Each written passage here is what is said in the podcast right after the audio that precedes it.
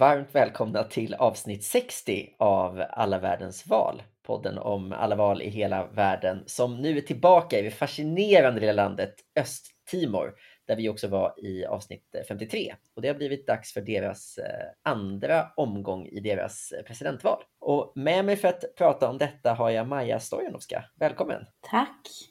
Hej Anders! Du har ju en väldigt intressant relation till, till Östtimor. Vi pratade lite om det i första eh, avsnittet vi hade här, avsnitt 53. Så pratade vi om den viktiga rollen som FN fortfarande har i relation till Östtimors demokrati. Och du har ju varit en del av den, eller hur? Precis, jag bodde i Östtimor i två år mellan 2018 och 2020 och jobbade för UNDP då och har gift mig där. Så det är liksom lite mer än FNs roll just nu som jag har för relation till landet. Det känns ganska mycket ja, personligt för mig. Ja, det känns som att du, vi känner varandra sedan innan, det känns ju som att du har blivit liksom väldigt, väldigt kär i Östtimor som land. Ja, det kan man enkelt säga. Absolut. Alltså det är liksom ett ganska speciellt land tycker jag. Jag har bott i flera länder i världen men Östtimor är ju ganska underbar skulle jag säga. Ja. Vad är det som är så utmärkande med, med kulturen? Ja men eh, liksom det känns, alltså det är ny, ett nytt land som ni pratade om för, förra, ja, förra avsnittet. Då har de blivit självständigt land 2001. Så då är det liksom att folket är så, så, så hoppfulla om framtiden. De är så varma, öppna, jättepositiva. De har liksom varit i krig i jättelänge, alltså över 25 år nu, bara med Indonesien och innan dess var det Portugal. Så de har nästan aldrig varit liksom i fred. Så det här känns som att det är liksom en ny era för dem. Så de är liksom super, super öppna för att bygga upp landet och mm. liksom göra det tillsammans. Alltså de är liksom enade i det på något sätt. Och såklart är det liksom en liten paradisö. Ja. Eh, så det är liksom också tillför till hur, hur fint det är att, att bo där. Ja, precis. För den som missade avsnitt 53 eller av andra skäl inte vet vart Östtimor ligger så ligger vi ju eh, liksom i eh, Sydostasien ungefär, nära Indonesien då som har varit i konflikt med och varit ockuperad av stora delar av sin moderna historia. Och det är ett jättelitet land också, ungefär lika stort som förra avsnittets land, Gambia, och ligger ju då på som namnet skvallrar om så är det ju då halva ön Timor, den östra halvan som är, utgör Östtimor och Västtimor tillhör då Indonesien. Precis, och de är bara 1,2 miljon människor. Ja, just det. Men ska vi prata lite om den politiska kulturen då? För det, det känns ju som att du är inne på det, alltså den här hoppfullheten och att det borde smitta av sig lite på det demokratiska eh, mm, klimatet precis. och så. Vad skulle du säga var de liksom, mer politiska utmaningarna eller så, som ni jobbade med? Ja, alltså de är en av de faktiskt, alltså den starkaste demokratin i, i Asien, en av de starkaste demokratin i Asien. Och de är mm. jättestolta över det. Och på pappret tror de att de är jättebra på jämställdhet också, för att de har runt 30% kvinnors deltagande i parlamentet och i regeringen, så det liksom ser ut som att det är jättebra. Men såklart utmaningarna är ju att eh, landet är jättetraditionellt, så könsrollerna är jättetraditionella. Så det finns ju jättemycket våld mot kvinnor till exempel. Alltså 77 procent tror jag av kvinnorna har någon gång i livet varit, var, alltså upplevt mm. våld mot kvinnor. Och såklart, alltså den största utmaningen är ju ekonomisk tror jag. Eh, de är liksom så pass isolerade från hela världen. Alltså det finns inte så många flyg som åker dit. För att åka dit då måste man liksom övernatta i Bali. Så de har inte så stor ekonomi, inte så mycket. De liksom producerar, exporterar och hela deras eh, statsbudget fylls av oljeintäkter. Så det känns som en liksom största utmaningen. Just det. Men om vi ska prata om demokratin, de litar verkligen mycket på demokratin för att de har liksom varit under krig jättelänge. Mm. Så nu känns det för dem för att, som att liksom, nu är vi äntligen kommit till lösningen. Det här är lösningen, demokratin. Och det liksom, valdeltagandet var 77 procent. Alltså de kan enkelt liksom föreläsa för oss i västvärlden hur man ska delta i val. Nord, nordeuropeiska siffror i, i valdeltagande. precis, precis. Och jag, jag kommer ihåg att när vi jobbade med valet eh, 2018 var det, eh, alltså folk väntade i kö i tre timmar för att rösta. Mm. Och de väntade framför vallokalerna att höra om resultaten. Alltså det är liksom jätte, jätte, jättestor del av kulturen. Vad är det FN hjälper till med då? Ja, alltså en, i början liksom när eh, kriget avslutades då med Indonesien, eh, eh, det var ingen, ingen administration på plats, det var ingen regering för att Timor-Leste har aldrig haft regering. Så då var det FN som administrerade själva valet och det är liksom är jätte, jätte sällan FN har tagit den rollen. Jag tror det är bara två gånger i mm. historien som FN har gjort det. Men nu håller FN eh, sig ganska liksom bakom och försöker bara stödja institutionerna. Så just nu jobbade vi med att stödja valmyndigheterna med att planera valet, eh, att utveckla jämställdhetsstrategi för dem, planera vallokaler, utbildning för förstagångsväljare, kvinnor och en generellt ökning på liksom, deltagande i valet. Uh, och såklart, det är liksom fortfarande lite kvar av det liksom, rollen som FN hade, att uh, Timor-Leste ber FN någon gång att kanske upphandla känsliga material, till exempel electoral bläck, jag vet inte vad det hette på svenska, bläck. Uh, som man... Jo, det, heter, det är bläck, mm. men, det är alltså, men det är däremot så är vi, har inte det här samma i, i Östtimor eller Timor-Leste så har man ju, så doppar man väl fingret i någon slags svår borttvättat bläck för att, för att visa att man har röstat. Eller det är sättet att undvika röstfusk helt enkelt. Att det där bläcket Precis. tar så lång tid att tvätta bort att man går runt med sitt blåa pekfinger efteråt. Precis, för att de har, inte alla har ID eller det finns folk som har två eller tre IDs. Så för att liksom förebygga valfusk. Ja. Och det kan man köpa, alltså det är liksom ganska känsligt material så det är liksom såklart, det handlar om valfusk. Så det är därför regeringen ber då FN att köpa det. det. För att undvika liksom... någon typ av fusk Precis. med bläcket, att någon skulle Precis. placera ja. ut ett... Precis. Ja. Eh, ja. så det är därför, det är där liksom FN kanske hjälper till lite grann.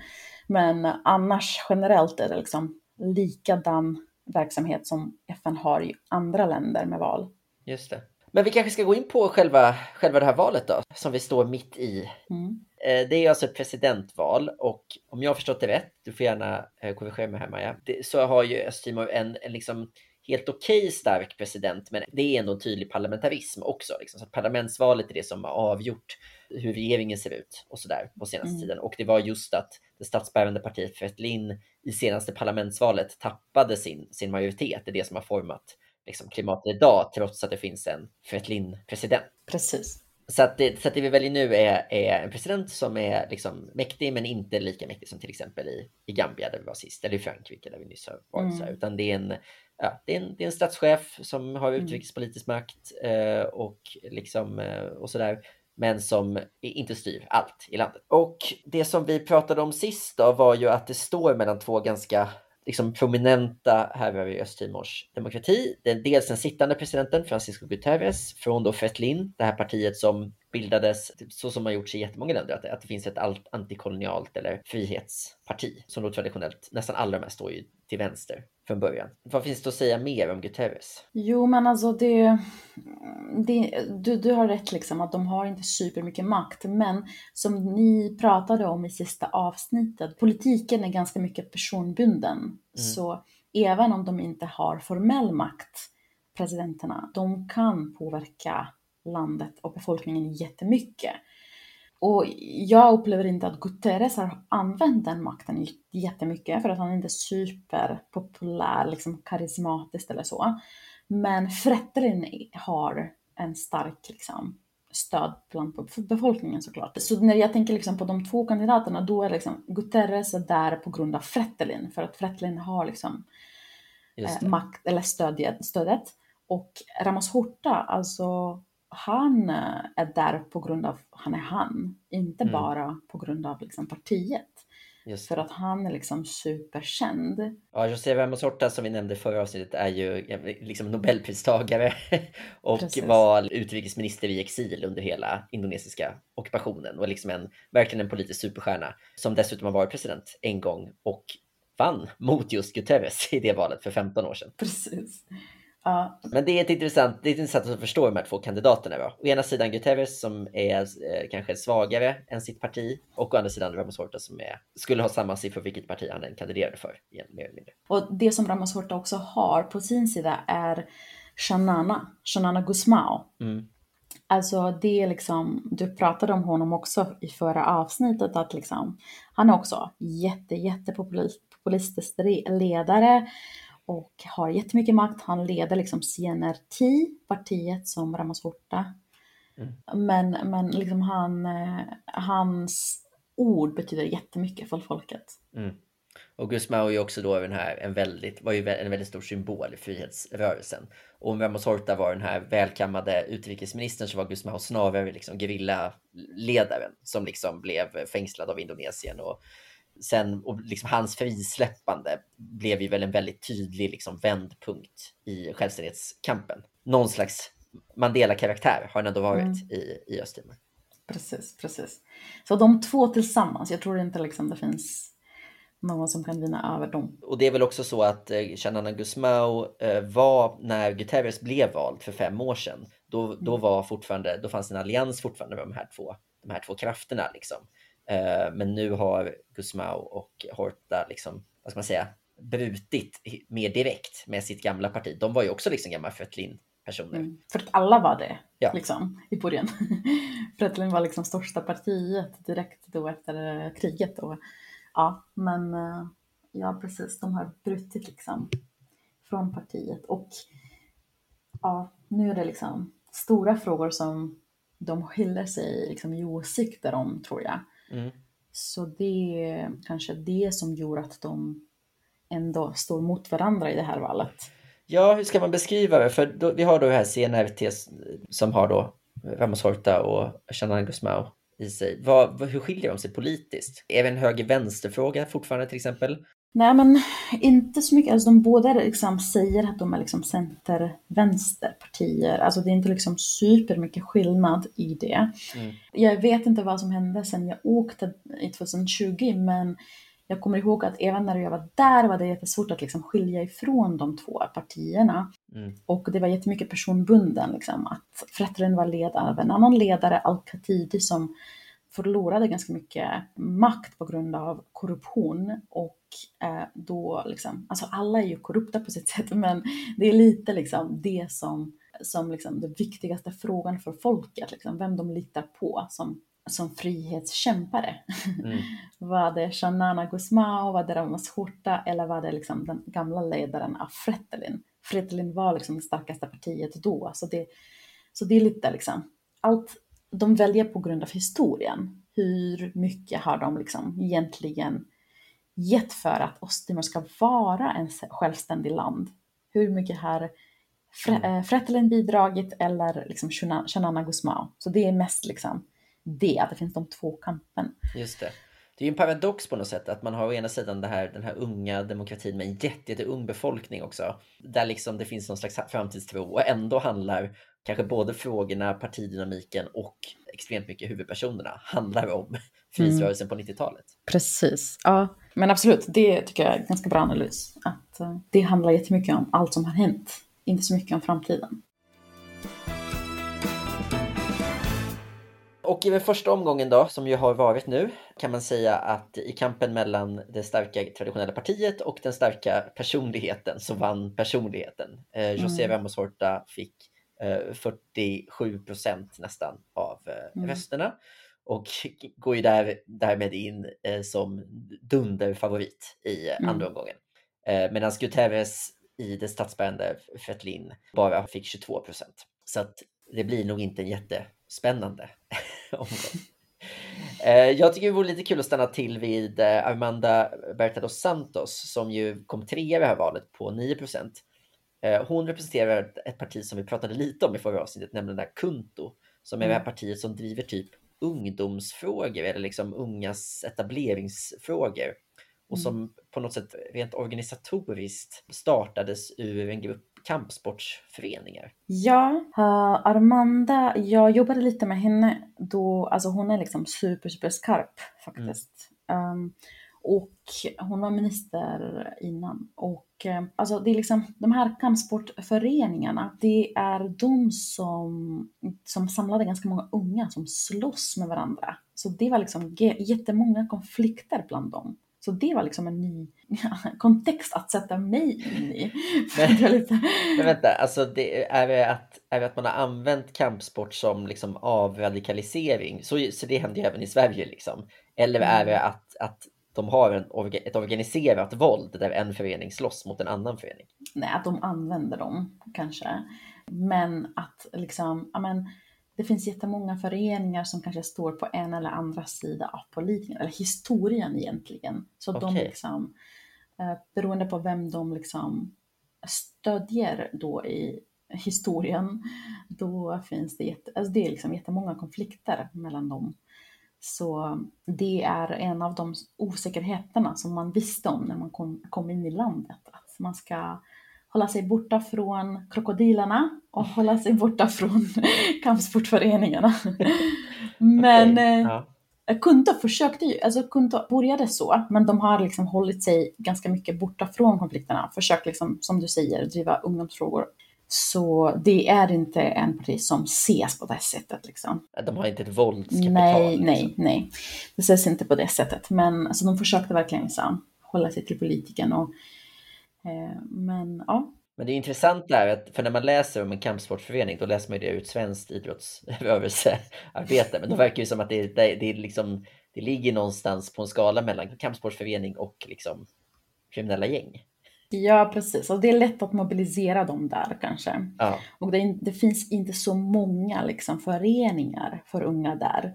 Det finns jättemånga unga så då är det liksom lätt att mobiliseras därifrån och det, det ligger någonstans i kulturen att det finns kampsport. Så då är det liksom lätt använt verktyg. Men hur kan man förstå Kunto? För det är ju då kanske den tydligast växande politiska kraften. Liksom. Mm. De andra två rörelserna är ju trots allt kanske lite, lite äldre och lite stagnerande. Liksom. Hur ska man förstå dem i relation till de andra? Jo, men alltså det finns ju lite hopp i Kunto att det kan, det kan bli något. Nu har vi inte än sett liksom att de har så stort kapital, men de har hunnit mobilisera folk. De har hunnit liksom identifiera några frågor som är lite mer deras frågor. Mm. Så, och eh, som jag sa i början, alltså, unga, alltså det finns jättemycket ung befolkning i landet, men de har jättelite påverkan för att allt baseras på historien och hur de bli, blev en självständig land, så då finns det inte så mycket utrymme för unga att ta plats. Och hela kulturen baseras på supermycket tillit och respekt till äldre. Alltså, mm. allt handlar om respekt till äldre. Det finns så många heliga uh, liksom, uh, vad heter det, traditioner de mm. liksom följer för att visa respekt till äldre. Så det, det är svårt för unga att uh, liksom, få någon typ av tillit eller påverkan.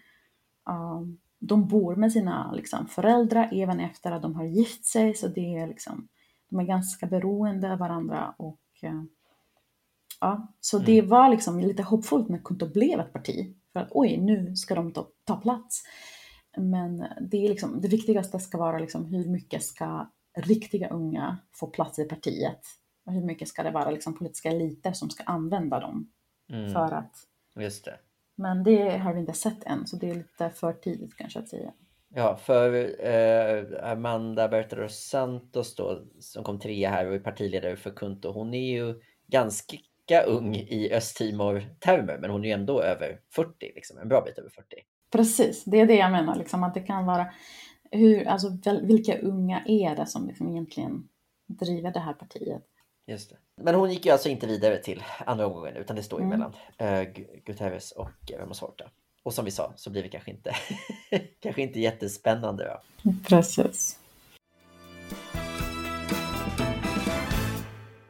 När vi går in i andra omgången nu, vad tror du kommer vara de stora, de stora frågorna? Vi nämnde lite innan med både ekonomin och kanske jämställdhetsfrågorna och typ demokratifrågorna i stort. Ja, precis. Alltså det är liksom, som jag förstått är en stor fråga, är ju att det här med ekonomin, att liksom landet, alltså hela statsbudgeten, alltså 80% kommer från Petroleumsfonden. Och Osttimor har redan samlat in 99% av intäkterna från fältet i produktionen. Så det finns inte så mycket kvar mm. för dem att, att, att, att, samla in egentligen. Allt betalas i landet av den fonden. Alltså det är statskassan, så den kommer vara tom snart. Alltså det är verkligen inte Okej, så man lever liksom, man lever på en, precis som hela världen, men ändå väldigt mycket tydligare att liksom precis. olja, den ändliga oljan är slut. För de har, de har oljefält i havet då, utanför. Precis. Och att det är, alltså det är verkligen liksom, den intäkten är liksom den som betalar för nästan alla mm. i landet. För att de har ingen annan ekonomi som är utvecklat. Um, så det är inte så mycket, så det är verkligen det är den största frågan. Vad kommer de leva på egentligen? Hur ska det utvecklas? Och det är jättelite som pratas om det. Ja. De försökte typ bygga en uh, strategi för, för att utveckla turism i landet. Men det är svårt om man ska behöva flyga igenom Bali och övernatta i Bali för att komma till Timor för att liksom uh, vara turist där. Så det är liksom alltså svårt att hitta vinkeln liksom, för vad som kommer vara styrkan för oss Timor. Om man väl har flugit till Bali så kanske man nöjer sig istället för Det är typ som Bali 40 år sedan, ja. innan det blev liksom så populärt. Så det är det som är liksom största frågan. Och eh, 2019 när jag var där, då använde Fretilin som satt i regeringen och alliansen jättestor del av den fonden alltså 650 miljoner dollar för att köpa majoritetsandel i Greater Sunrise, vilket är en annan oljeprojekt eh, som alla gissar ska vara misslyckat för att det är liksom det djupaste oljefältet i världen. Man vet inte om de kan komma åt det ens, eller om det finns något än. Så okay. det är liksom en jätteriskabelt move som Fretilin liksom tog. Och då liksom 2020 som du sa, alliansen fall ner, Fretilins budget gick inte igenom och nu kommer liksom CNRT in för att de ska omvärdera det här liksom, projektet och kolla läget först. Men eh.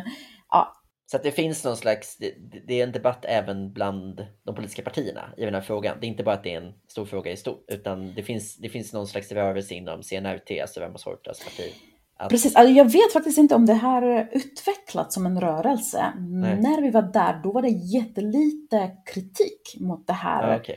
projektet.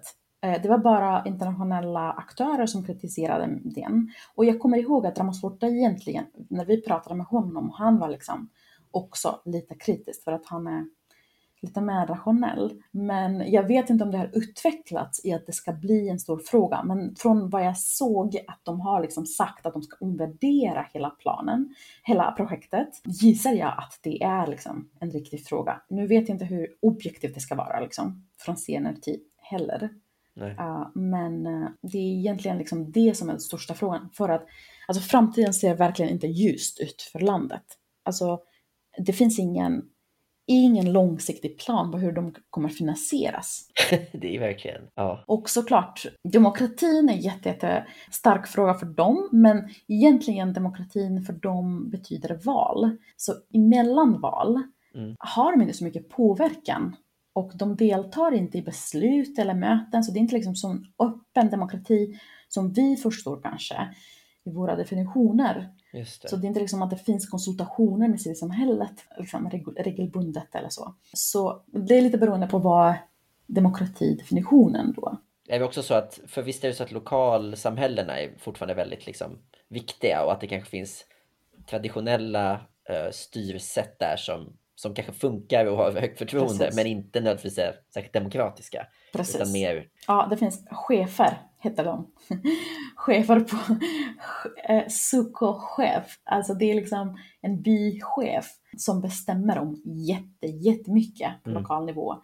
Och den är personen som egentligen är det traditionella rättväsendet. De har liksom domstol och så, men det är jättefå människor som går till domstol egentligen. Just det, utan de, de, de traditionella eh, ledaren, ja de har ett mycket högre förtroende helt enkelt. Precis. Mm. Och det var väl också att i, som jag har förstått det, att i, i försoningsprocessen, säga, precis efter freden och inbördeskriget och freden igen eh, för 20 mm. år sedan, så använde väl också Gusmao de här olika lokala ledarna väldigt smart och liksom involverade dem mycket i och det var liksom en del av en, en smidig övergång till ett fritt demokratiskt Östtimor. Mm, precis. Det, det är därför liksom processen var jätteförankrad för honom. Mm. Och vi gjorde ganska mycket liksom undersökning på varför folk inte, för att jag jobbade med rättvisandet och jag trodde liksom, alltså varför folk inte litar på det. Och det var på, på grund av, de kände att när de går till till de traditionella ledaren, då är det alltid win-win situation. För att det är liksom någon typ av informell meditation som händer. Just det. Så det är liksom, men de pratar om vad kan vara win-win för båda parter och de kramas på slutet, du vet, och liksom det är lite mer, alltså det ses inte på att någon har vunnit. Just det. Men i det formella rättsväsendet, eh, då är det alltid någon som förlorar och någon som vinner. Så mm. det är det som de inte gillar, att mm. någon ska förlora. Och det är det som är liksom så sköna med landet, att de alltid vill att någon ska vinna. ja. Men, ja. Just det. det... Men, men, lite utmaning är det att bygga upp ett, ett förbund. Precis. Ja. Såklart, utifrån alla andra perspektiv, alltså mänskliga rättigheter, jämställdhetsperspektiv, alla andra perspektiv faller i vattnet för att de flesta av de här traditionella ledarna är ju gamla män som liksom bestämmer över allt. Mm. Så, det, så det är såklart en stor utmaning. Jag skojade lite om hur fint det är. Ja, men det är, ju, det är ju intressant, alltså även för sådana demokratinördar som du och jag. Som, alltså att, att det är intressant att det finns liksom andra värden än demokrati. Alltså det är klart att det här, alltså det här är ju, det är såklart så att i Östtimor så finns det en jättestark förankring och jättestor respekt för de här systemen. Liksom. Och det kanske till och med finns goda skäl för det. Och det, mm. ja, det får man förhålla sig till. Du, ehm, du nämnde ju lite när, liksom, i förbifarten ditt, när du har snackat lite med Ramos Horta. Just. För du, visste, du har haft en del kontakt med honom, eller hur?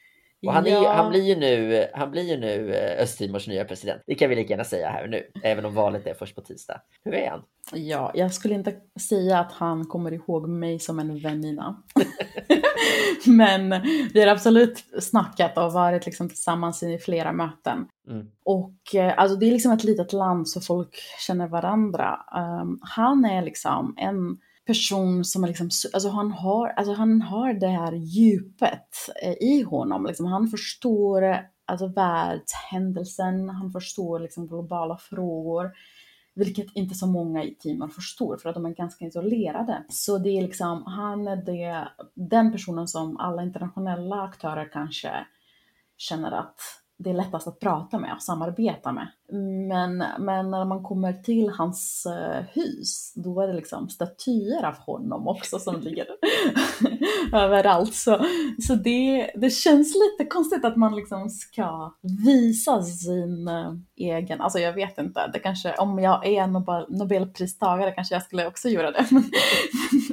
men det var lite så att liksom man är liksom i, i hans eh, territorium och det finns flera statyer av honom och Nobelpriset och så. Så det var lite ego såklart. Just där. Så, en, eh. så en kunnig och liksom världsvan intellektuell, men kanske inte, nödvändigtvis, kanske inte nödvändigtvis den ödmjukaste. Precis, men han är liksom också ganska, alltså han är intellektuell och han lyssnar. Han vill verkligen lyssna, så han är konstruktiv skulle jag säga. Mm. Uh, han är inte odmjuk om sig själv, men han är ganska konstruktiv. Liksom. Ja, och det är ju något intressant med att det är han som har lämnat alltså, Fretlin också. Han hade ju kunnat liksom vara kvar i den delen. Det finns ju någonting lite spännande i, i det som man mm. kan, kan välja att tolka välvilligt. Man kan ju också tolka det som att det är för att hans ego är för stort. Han kan inte dela plats. ja, ja, men han, eh, ja, det kan vara liksom att han tycker att det är eh, lättare att vinna poäng själv. Mm. Um, men han återinträder då till sitt, sitt gamla jobb som Östtimors eh, president. Eh, troligtvis efter valet då på uh, tisdag nu den 19 april. Är det något mer vi ska hålla utkik över framöver Östtimor, Maja? Jo, men jag, tyck, jag tror att liksom en grej som är ganska speciellt också, förutom allt annat som vi har nämnt, är att unga är ganska liksom, kreativa. De är jättesamarbetsöppna. De har lärt sig så många språk Eh, för mm. att de pratar redan från början flera språk liksom, i sitt land. Och de lär sig så snabbt om allt som det kan vara en jättestor makt för landet. Men det är liksom den stora frågan är hur ska makten övergå från det här historien och ledarna, liksom frihetskämparna mm. till den unga generationen som är ganska modern ändå.